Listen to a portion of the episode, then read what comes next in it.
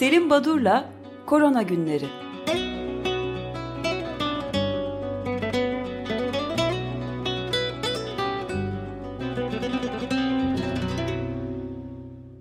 Günaydın Selim Badur, merhabalar.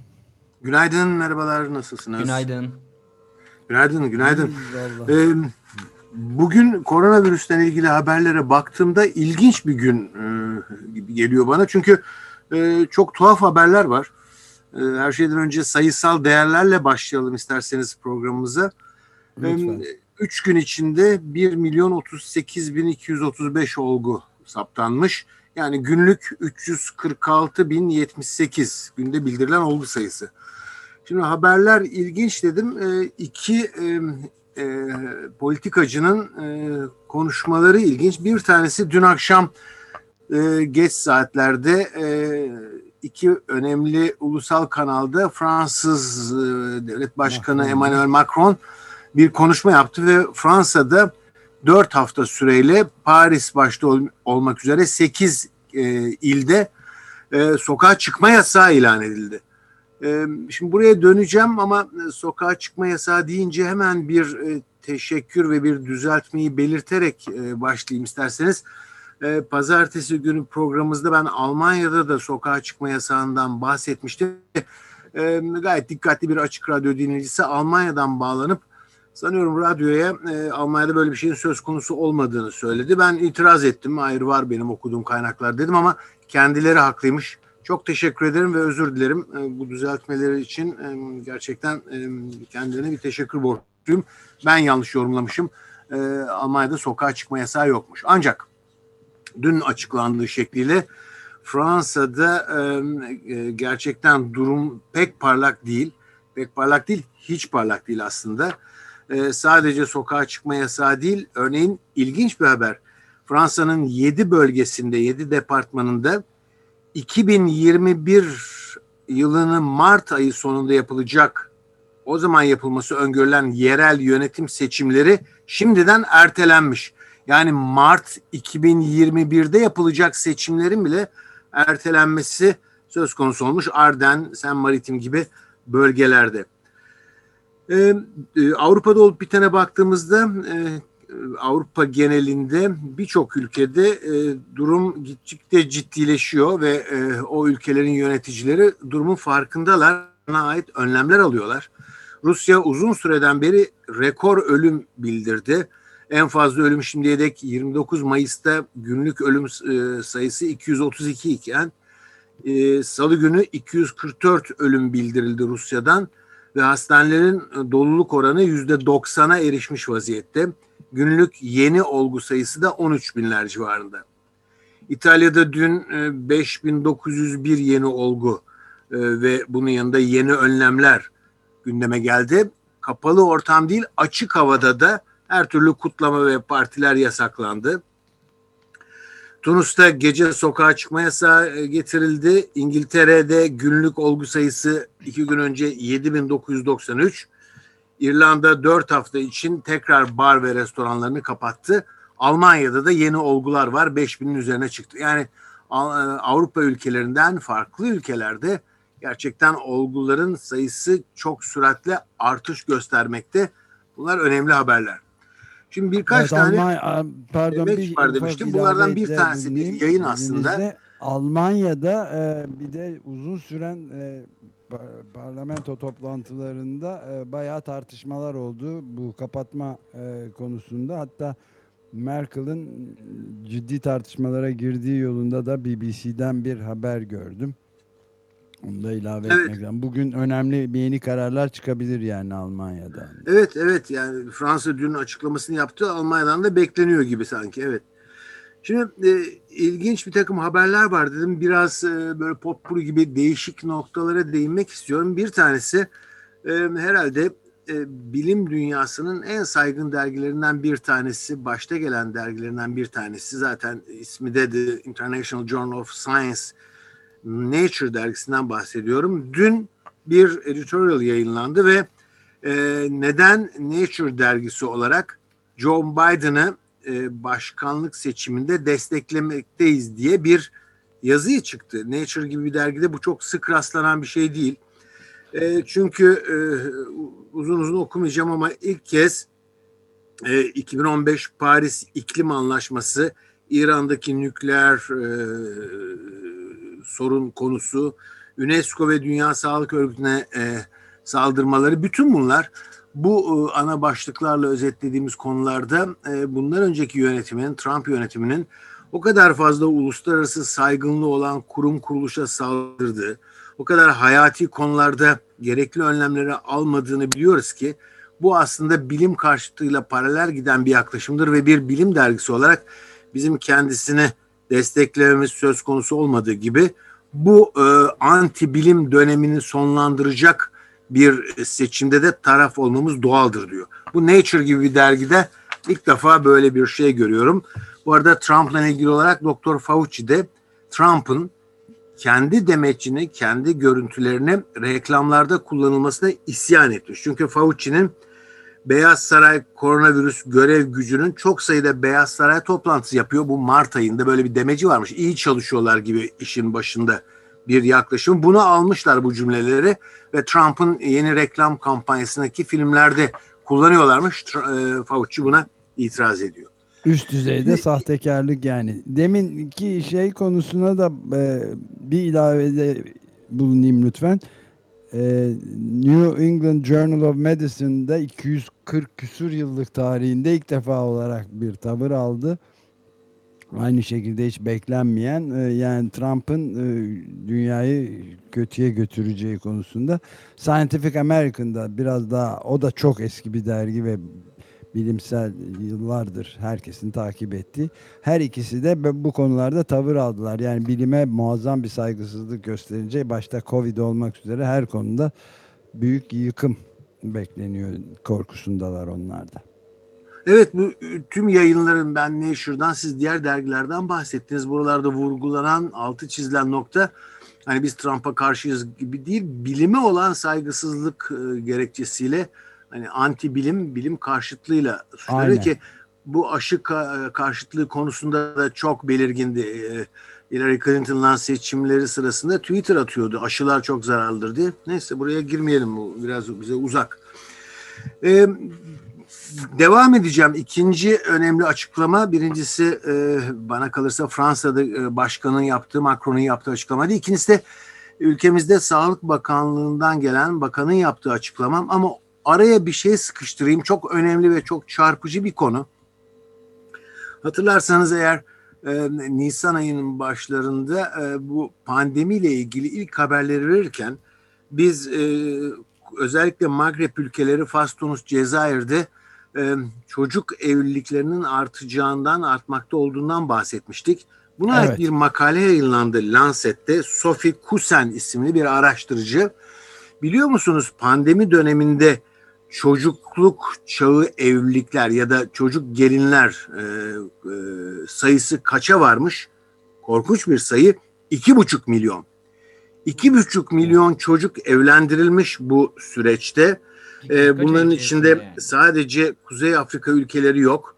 Örneğin Vietnam'dan, örneğin Hindistan'dan da çok sayıda çocuğun e, artık bu kız çocukları evde ne yapıyorlar? Bunlar hani boş oturmasın bari evlendirelim diye e, hani basite indirgedim tabii ama bu yaklaşım sonucunda iki buçuk milyon çocuk evlendirilmiş ve bunların içinden bir kısmı da hamile kalacaklar. Yani e, bu çok çarpıcı ve hep vurgulamaya çalıştığımız sadece iş dünyası, ekonomi batıyor çıkıyor değil. E, sosyal alanlarda bu pandeminin etkisini herhalde uzun süre e, çarpıcı biçimde göreceğiz gibi geliyor. Evet yani Şimdi, bu 6 e, aylık bir süreden bahsediyoruz değil mi ayrıca evet, da yani evet, evet. muazzam yani bu, bir şey çok, rakam tabii. Çok tuhaf ve çok acı bir şey. Şimdi gelelim Sağlık Bakanlığı açılma, e, açıklamasına biliyorsunuz bu e, ayın 15'i 15 Ekim günü ve yaklaşık bir haftadır 15 Ekim'den itibaren farklı ve daha gerçekçi, daha şeffaf bilgiler verileceği açıklandı Sağlık Bakanlığı tarafından. Ancak dün yapılan basın toplantısında benim anlamakta zorlandığım, bu nedenle önce YouTube'dan e, basın toplantısını gece dinlemeye çalıştım, dinledim. Sonra e, e, dökümünü aldığım yazıyı bir kere okudum. Biraz ara verdim bir daha okudum ama doğrusu isterseniz hiçbir şey anlamadım. Gayet absürt bir açıklamayı karşı karşıya. Şimdi daha net, daha e, çarpıcı, e, daha şeffaf, daha gerçekçi sayısal değerleri vereceğiz denilen 15 Ekim tarihinde neleri vereceklermiş? Konuşmasında Sayın Bakan şöyle diyor. Özellikle tedavi rehberimizde semptomu yani bulgusu olan kişilere test yapan ülkeler arasındayız. Belirtiliyormuş rehberde. Bu semptomu olan kişilere yaptığımız testler dışında Temmuz ayından itibaren bizim özellikle kesitsel taramalar yani ülkeler arası geçişlerin olduğu dönemde hava alanındaki insanlara yapılanlar, askerlere, cezaevlerinde bulunanlara, sporculara yapılan testler gibi kesitsel yaptığımız çalışmalar oldu. İşte 15 Ekim'den itibaren bu kesitsel diye tanımlanan farklı gruplardaki tarama sonuçlarını da vereceklermiş. Ve bunu Dünya Sağlık Örgütü'ne bildireceklermiş. Belirttikleri şeffaflık 15 Ekim tarihinden itibaren yapılacak olan daha gerçekçi açıklamalar bunu kapsıyormuş. İyi de bunun Türkiye'deki pandeminin seyriyle bunu göstermeyle uzaktan yakından nasıl bir ilgisi var? Bunu anlamakta güçlük çekiyorum ben. Ben ee, de bunu okuyup e, zorlandım doğrusu. Çok e, yorumlamakta, anlamak, kavramakta da. Ama vardır bir hikmeti herhalde. Evet, e, bugün itibariyle Dünya Sağlık Örgütü'ne de bildirmiş olacağız. Bugün havaalanında yapılmış testlerden bahsettim. Bundan sonra da böyle yapacağız dedi. Bunu anlamakta zorlanıyorum. Biliyorsunuz sağlık çalışanlarının pandemi sürecinde hayatını kaybedenler var bu kesimde e, ve dün de e, Aydın Tabip Odası baktı, e, Başkanı Doktor Esat Ülkü yaşamını yitirdi. Biz de yarın önce sağlık programında Aydın Tabip Odası'ndan 3 hekimle Doktor İsmail Hakkı Ertin, Doktor Gürkan Mersin ve Doktor Turan Keskin'le konuşacağız. İlginç olan e, bu e, başkanın, o tabip odası başkanının yaşamını yitirdiği sırada yapılacak olan törene Türk Tabipler Birliği yeni başkanı Şebnem Korur Fincancı da katıldı. Bu arada hatırlayacaksınız e, Sayın Erdoğan e, AKP grup toplantısında TTP ve Başkanı Şebnem Korur Fincancı hakkında ne zamandan beri terörle iç içe olanlar Tabipler Birliği kuruluşun başına geçebiliyor. Bunun adı terör örgütlerinin sivil toplum kuruluşlarına el koymasıdır. Biz bunlara hastalarımızı nasıl teslim edeceğiz? Çoklu baro sisteminde yapıldığı gibi aynı çalışmayı TTB ve diğer meslek odalarında da yapmak durumundayız gibi bir açıklaması oldu. Bunu Şebnem'e sormuşlar Korur Fincancı'ya. Ne diyorsunuz diye. Bizim gündemimizde değil biz meslektaşlarımızı kaybediyoruz. Bir haftada yedi sağlık çalışanını kaybettik. Gündemimiz bu diye cevap vermiş. Tabii e, Erdoğan'ın açıklamasında e, bu e, tür örgütlerin yönetiminin seçiminde demokratik bir yaklaşım olmalı diyor. Hani antidemokratik bir şekilde seçildiğini zannetmiyorum Türk Tabipler Birliği başkanlığını ve yeni yönetiminin. Ama bu konu e, e izleyeceğiz herhalde. Burada yeni gelişmeler olacak. Evet yani çoklu baro o, çalışmasının bir benzerini yapacağız demiş e, Cumhurbaşkanı evet. Recep Tayyip evet, Erdoğan çoklu, ve açıkça anayasaya aykırı faaliyet içindedir. Mimar odaları falan olacak. Evet. Ee, e, yani avukatlardan sonra e, doktorlar da e, Evet. Evet. Sırada Şimdi bir zaten e, hakimler bir başka de, haber evet. Profesör Doktor Temel Yılmaz İstanbul Tıp Fakültesinden e, işte belirli dönem birlikte çalıştığımız arkadaşlarımdan bir tanesi. Kendisi e, Diyabet Derneği Başkanlığı'nda yapmıştı e, Habertürk sitesinde bir köşesi var anladığım kadarıyla ve orada bir yazı e, yayınladı. Dünya artık pandemi politikalarını ve yasakları sorguluyor başlığıyla. Yazıda birkaç gün önce Belçikalı 394 tıp otoritesi ve 1340 sağlık profesyonelinin Belçika hükümetine hitaben yayınladığı bildiri. Bunu yayınlamış Sayın Temel Yılmaz. Sıkı izolasyon hastalığının gidişi seyri değiştirmedi. Karantina insanlara zarar veriyor hastalık artık ölümcül değil gibi ara başlıklar olan bir rapor ve çok sayıda Belçikalı bilim insanı buna imza atmışlar. Bunun üzerine ben yazıya baktım ve yazıda hani kim bu bilim insanları diye baktığım zaman ne bir web sitesi ne bir kaynak ne bir isim göremedim ve Sayın Temel Yılmaz'a e, bir e, elektronik ileti göndererek e, ya bunu nereden buldun diye sordum. Kendisi e, sağ olsun hemen yazının orijinalini yolladı. Yazının orijinaline baktım ki bunda da tek bir isim ya da tek bir imza yok. Bunun üzerine oturdum üşenmedim. Belçika'daki beraber çalıştığım üç farklı üniversitedeki öğretim üyelerine bir mail attım ve e, linki de ekleyerek böyle bir yazı var. Bunu Belçika'da sizin ülkenizde kim yayınlamış diye sordum. Kimler imzalamış diye. Belçikalıların bundan haberi yok. Ee, hiçbir şekilde Belçika'da gündeme gelen bir yazı değil. Bunun üzerine bu yazının e, orijinalinin Sayın Temel Yılmaz'ın ilettiği yazının orijinalinin altındaki siteye baktım. Site e, Novye Izvestia isimli bir e, Rus sitesi. 97 yılında Izvestia'dan ayrılanların kurduğu önce gazete daha sonra web sitesi olmuş. Orada yayınlanmış ama Be Belçika'da ve e, Avrupa'da izini sürdüğüm zaman sürmeye çalıştığım zaman en azından bu sitenin ya da bu haberin kaynağı nereden ortaya çıktığı hiç bilinmiyor. Sadece Belçikalılar dediler ki aa böyle bir haberi biz de Fransa'daki doktorlar şöyle bir bildiri yayınladılar diye duyduk dediler. Yani gerçekten bilgi kirliliği çok fazla ve buna dikkat etmek lazım diye düşünüyorum.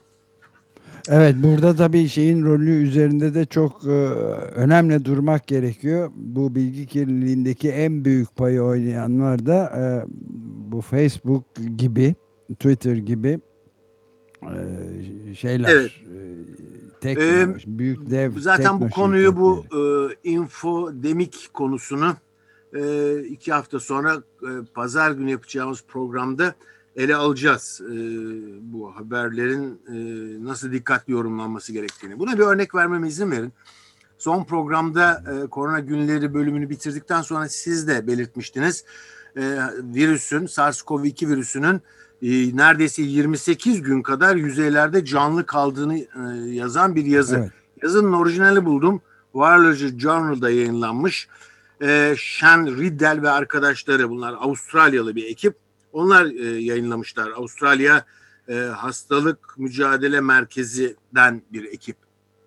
Ancak bu yazıya hemen yayınlandıktan sonra ve siz e, haber yaptıktan sonra eleştiriler geldi. Çünkü nasıl yaptıklarına e, bakmışlar. Ben de makalenin materyal metot kısmını inceledim.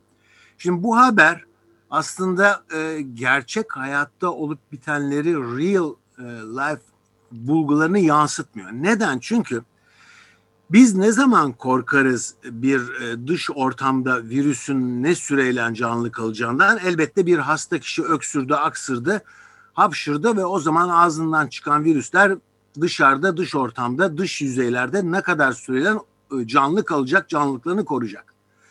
Peki o zaman bir kişi öksürünce, aksırınca ne kadar virüs saçıyor? Diyelim ki 100 tane e, damlacık saçıyor ve bunların üzerinde de diyelim bin tane virüs var. Bu çalışmada herhangi bir şekilde hastaların öksürmesiyle dış yüzeye bulaşan virüsler ölçülmemiş.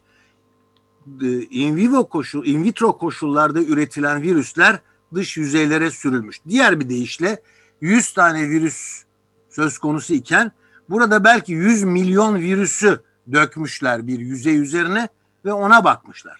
Şimdi hiçbir şekilde bir hasta çıkartısı ile 100 milyon kadar virüsün dışarıya yayılması, saçılması, aksırmayla, hapşırmayla, öksürmeyle etrafa yayılması mümkün değil.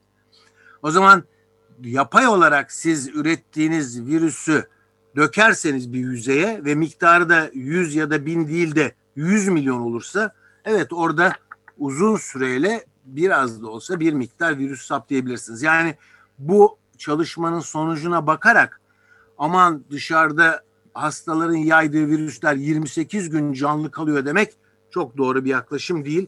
Buna ait peş peşe eleştiriler ya da düzeltmeler geliyor. Elimde en az 3 tane var. Lancet'te ya da Clinical Microbiology and Infection dergisinde yayınlandı bu makaleler. Evet. Şimdi aşılar konusuna ait bir iki haber vermeme izin verin lütfen biterken. Ee, yaklaşık 42 aşı adayı klinik evrede, e, 12 aşı faz 3 çalışmasında e, ve e, özellikle e, bu çalışmalar yapılırken biliyorsunuz faz 3 çalışmasındaki aşılardan bir tanesi AstraZeneca'nın çalışmasındaki e, faz 3 aşamasındaki bir denekte bir gönüllüde e, bir sorun çıkmıştı. Çalışma durdurulmuştu yaklaşık 3 hafta kadar önce ama daha sonra ortaya çıkan saptanan sorunun e, verilen aşı ya da kontrol maddesi plasebo ile ilintili olmadığı anlaşıldı ve devam etti çalışma. İki gün önce de Johnson Johnson firmasının yaptığı faz evet. çalışmasında böyle bir sorunla karşılaşıldı. Acaba hastalanan ya da şikayetleri ortaya çıkan kişinin e, şikayetleri verilen maddeden ötürü mü yoksa kendisinde gelişen bir otoimmün hastalık, bir başka sağlık sorunu mu? Bu incelenmekte. Bunu niye söylüyorum? E, kısacası e, bu aşıların kontrolleri, denetimleri e, çok sıkı e, ve ciddi bir şekilde takip ediliyor. E, ve bu nedenle e, hani aşıya güvensizliğin olmaması şu anda elimizdeki imkanlarla yapılabilecek en ayrıntılı çalışmalar, en e, kapsamlı ayrıntılı çalışmalar yapılıyor. Bu arada e, Türkiye dahil birçok faz 3 çalışması yapan ülkede işte e, 19-59 yaş arası ya da 18-59 yaş arasındaki gönüllülerde çalışma yapılıyordu.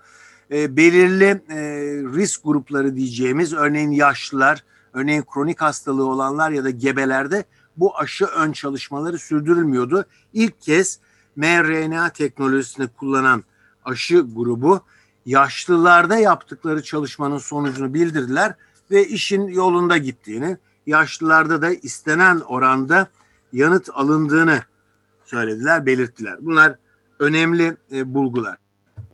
Bitirirken iki tane haber daha vermek istiyorum. Bir tane de hatırlayacaksınız bir önceki programda pandemi döneminde e, e, çevrenin biraz temizlenmekte olduğuna ait veriler var demiştim. Evet doğruydu bunlar ama Hindistan gibi e, pandeminin çok ciddi etkisinin görüldüğü ülkede farklı bir olay varmış. Ben bunu bilmiyordum.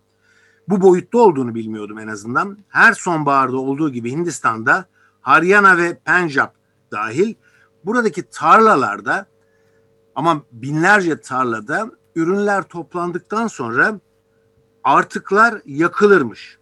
Ve böylece çiftçiler buğday pirinç hasatlarını aldıktan sonra yaktıkları bu e, artıkları e, yakarak tarlaları hemen e, kısa sürede yeni ekime hazırlamaya çalışırlarmış.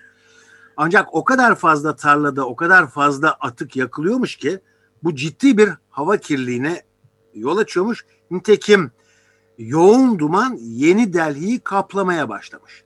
Şimdi bu durumda bunun Covid ile beraber hem hastalığın yayılması hem de hastalananlarda daha ciddi sorunların, daha ciddi klinik tabloların yaşanmasına yol açıldığından şüpheleniliyor. Nitekim Harvard'ın bir araştırması metreküpte e, her miligramdaki e, PM değer, PM değerine bakmışlar her artış, her miligram artış mortaliteyi yüzde sekiz arttırıyormuş. Bu çok ciddi bir oran. 13 Ekim Salı günü Yeni Delhi'de havanın e, kalitesi çok kötü olarak tanımlanmış. E, Dünya Sağlık Örgütü 50 pikogramı, e, mikrogramı geçmemesi lazım derken orada e, partikül sayısı 300 mikrogram olmuş. 21 ee, milyonluk başkentte pandeminin yeni bir boyutu, yeni bir olumsuzluğu diye anlatılmakta. Son haberimde eğitimle ilgili olsun. Bir artı bir forumda bir e, rapor yayınlandı. Işın Subaşı, Melda Akbaş, Aysun Koca, Didem Kalafat, Gökçe Baltacı ve Mayissam Nimer'in bir raporu. Bu raporda e, özellikle pandemide yoksul ve çocuk olmak e, başlıklı bir rapor dört farklı kurumun çalıştığı gruplar. Bunlar Başak Kültür ve Sanat Vakfı, Sulu Kule Gönüllüleri Derneği, Small Projects ve Tarlabaşı Toplum Merkezi raporu. Bunların çocuklu ailelerde e, ne olup bittiğini özellikle bu yoksul ve e, kesimin göçmenlerin oturduğu bölgelerde yapılan bir e, çalışma. Nitekim İstanbul Büyükşehir Belediyesi İstatistik Ofisi'nin yaptığı İstanbul Yoksulluk Araştırması çocuklarla ailelerde dijitale erişim konusunda yapılan çalışmada da sosyal destek kapsamındaki buranın altını çizeyim sosyal destek kapsamındaki ailelerin yüzde 58 buçuğunda bilgisayarın olmadığı, okula giden çocuğu olan hanelerin yüzde 37.4'ünde de sabit internet aboneliğinin bulunmadığı saptanmış raporda. Sonuçta hem e, İstanbul Büyükşehir Belediyesi'nin raporu hem bu biraz önce bahsettiğim genç araştırıcıların bu dört e, kurumun, dört e, sivil toplum örgütünün çalışmalarıyla ilgili çok çarpıcı bir rapor var. Bu raporu galiba süremiz bitti. Bir sonraki Bitti, evet. programda bu rapora biraz bakarak programa başlayalım. Çünkü oldukça ilginç. Acaba göçmen çocukları ve yoksul kesimin çocukları pandemiyi nasıl karşılıyorlar, neler yaşıyorlar buna bakalım. Ben Ve isterseniz bunu karanlık bir tablo. Evet. Çok teşekkür Ee, ederiz Selim Badır. yayınlar dileyim size. Görüşmek üzere. Görüşmek üzere. Hoşça kalın. Görüşmek üzere sağ olun. Teşekkürler.